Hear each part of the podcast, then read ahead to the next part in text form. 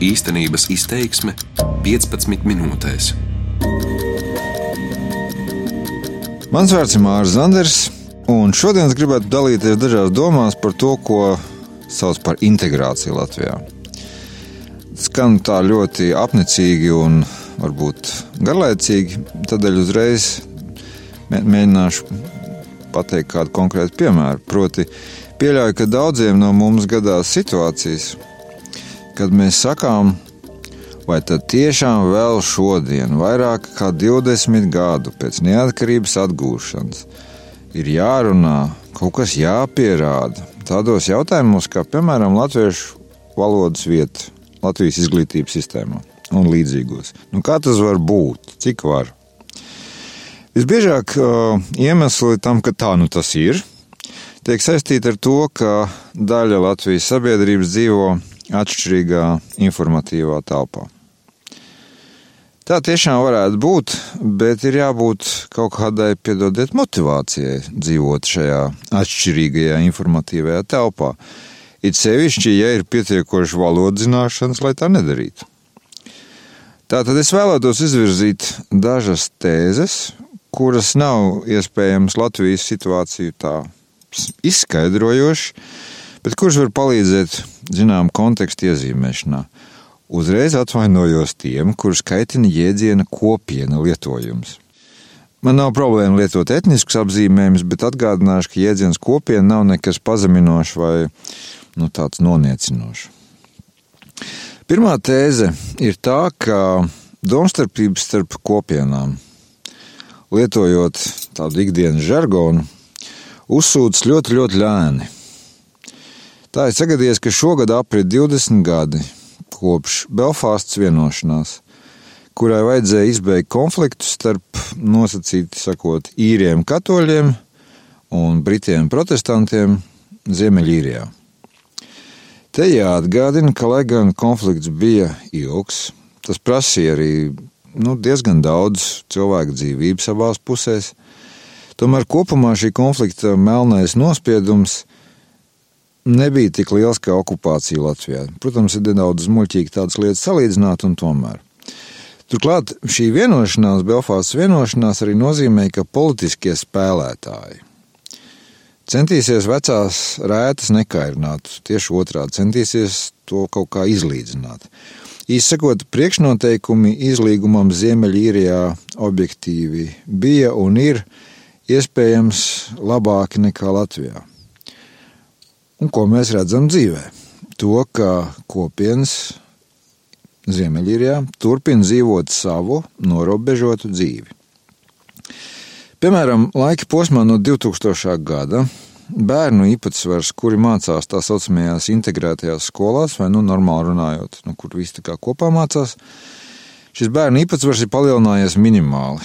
Pamatskolās no 3 līdz 5,8%, vidusskolās no 5,6 līdz 8,6%.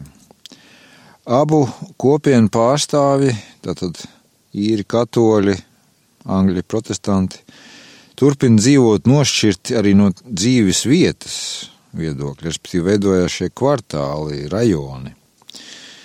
Un īsakot, 20 gadu laikā, par spīti Londonas un Dublinas kopīgiem pūliņiem, par spīti reģionā iepludinātiem lieliem naudas resursiem, jo ir nu, viedoklis, ka jau cilvēki labāk dzīvo, jo viņi kaut kā saticīgāk dzīvo un tā. Par spīti tam visam katoļi un protestanti Ziemeļīrijā dzīvo Acīm redzot, nevisai sirsnīgās attiecībās. Ir samērā mierīga līdzās pastāvēšana, bet arī nevairāk.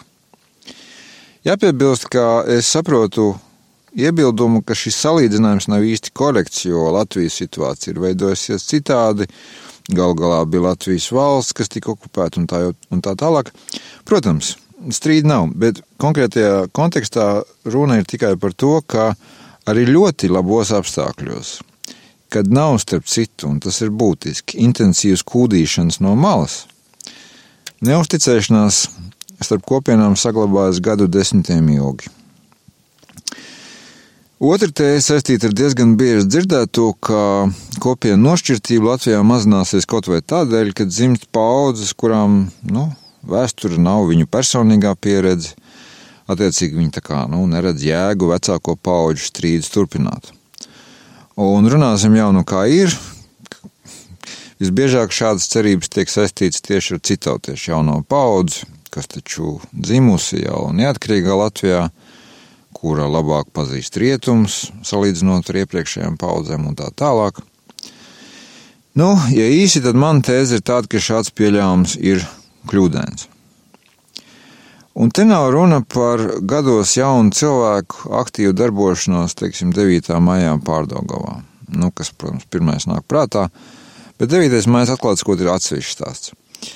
Runa ir par to, ka idejas, priekšstati nekur nepazūd. Tie atgriež desmitiem gadu vēlāk. Un turklāt nevis kā kaut kāds dekoratīvs šovs, bet kā reāla šo jauno cilvēku pārliecība. Atklājās tā, ka pirms desmit gadiem, šogad jubileja jūnijā, vēlams, protams, nesvinēt šo jubileju, Itālijā izveidojās organizācija Casa Pound Itālijā, CPI. Visbiežāk tā tiek raksturota kā partija ar uh, fašistisku orientāciju.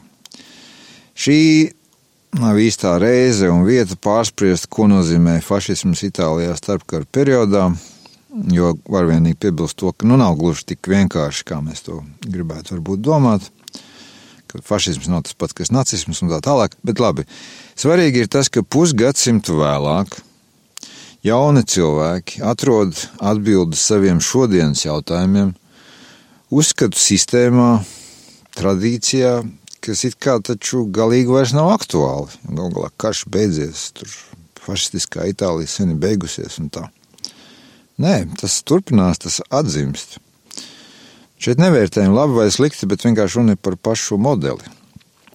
Ja šis piemērs nu, likās pārāk ekstravagants, atgādināšu par jaunatnes organizācijām, teiksim, Polijā, kuras katoļu tradīciju turpināšanu, turklāt ļoti aktīvu turpināšanu, galīgi neuzskata par kaut ko aizvēsturisku, ka tas uz viņiem neatiecās, ka tas ir viņu vecāku lieta un tā joprojām.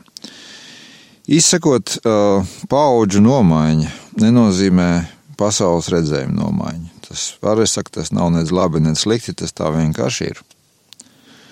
Tādēļ arī iedomāties, ka tas, kas šeit ir dzimusi pavisam citā, citautiešu paudze, ka tāpēc tā ir kaut kā domāšana atšķirīga, manuprāt, ir mazliet nu, ilūzija.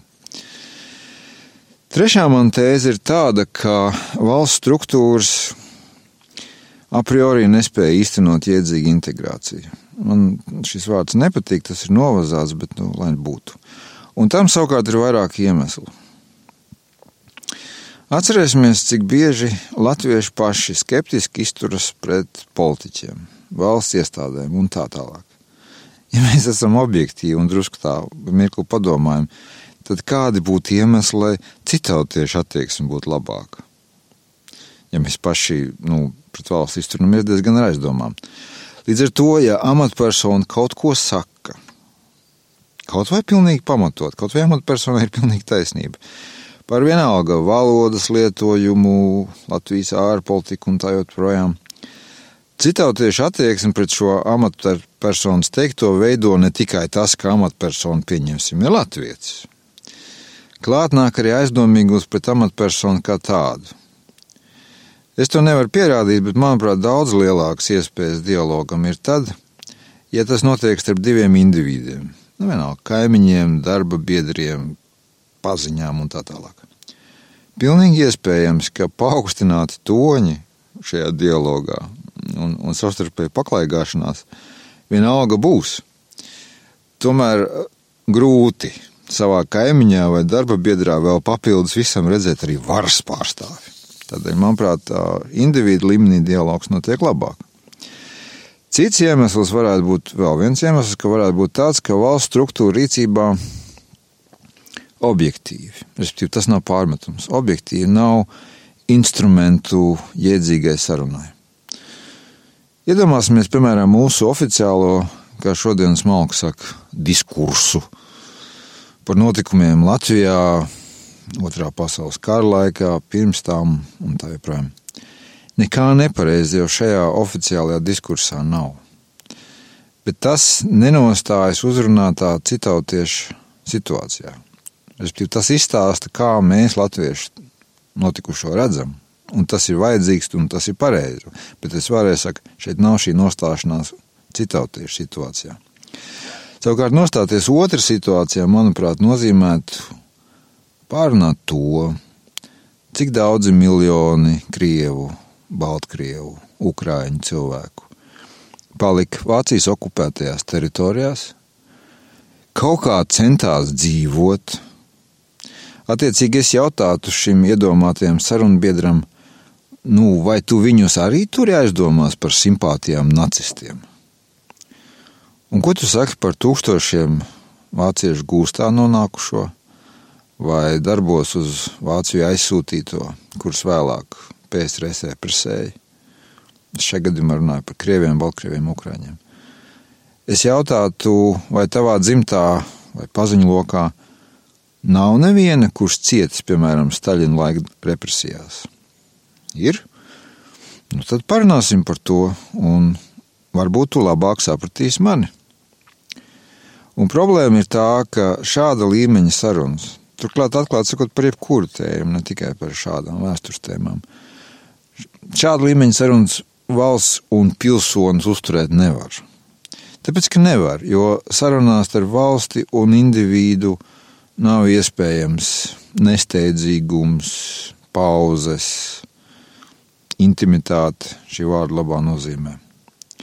Līdz ar to es domāju, ka valsts struktūru īstenot citautiešu integrāciju vienmēr būs diezgan formāla un attiecīgi neefektīva un līdz ar to arī nevisai komfortablais secinājums, atgriežoties pie manas uzstāšanās sākuma, ka jā, nāksies vien joprojām mums, Latvijā dzīvojošiem cilvēkiem, runāt, strīdēties par it kā pašsaprotamām lietām. Ja mēs to nedarīsim, uzskatot, ka tas jādara valsts struktūrām, politiķiem, būs vēl sliktāk. Turklāt šeit ir vēl kāds cits varbūt tāds dīvains skanošs aspekts. Proti, gadiem ejot, valsts pārstāvja atbildes saprotam iemeslu dēļ kļūst lakonisks. To un to, nu, pieņemsim, valodas likums vai tā. To un to nosaka tāds un tāds likums visu uzredzēšanos. Savukārt, indivīds saskaroties ar pretējās puses pretenzijām, pārmetumiem, var saniknoties, izjust izmisumu, nu, cik vāri joprojām par vienu un to pašu. Ja? Bet tā vismaz ir emocionāla dzīva reakcija, kurai, pat ja tas prasa nervus, vienalga ir lielāks izredzes kaut ko izskaidrot un pārliecināt otrai pusē. Līdz ar to es pilnīgi labi saprotu, ka daudziem no mums liekas dīvaini, kāpēc par latviešiem pašsaprotamām lietām turpinās strīdi Latvijā. Bet es domāju, ka tā arī būs 2019. un 2020. gadā, un mums ar to ir jātiek galā. Paldies! Darbības vārds īstenības izteiksmē izsaka darbību kā realitāti. Tagatnē, pagātnē vai nākotnē, vai arī to noliedz.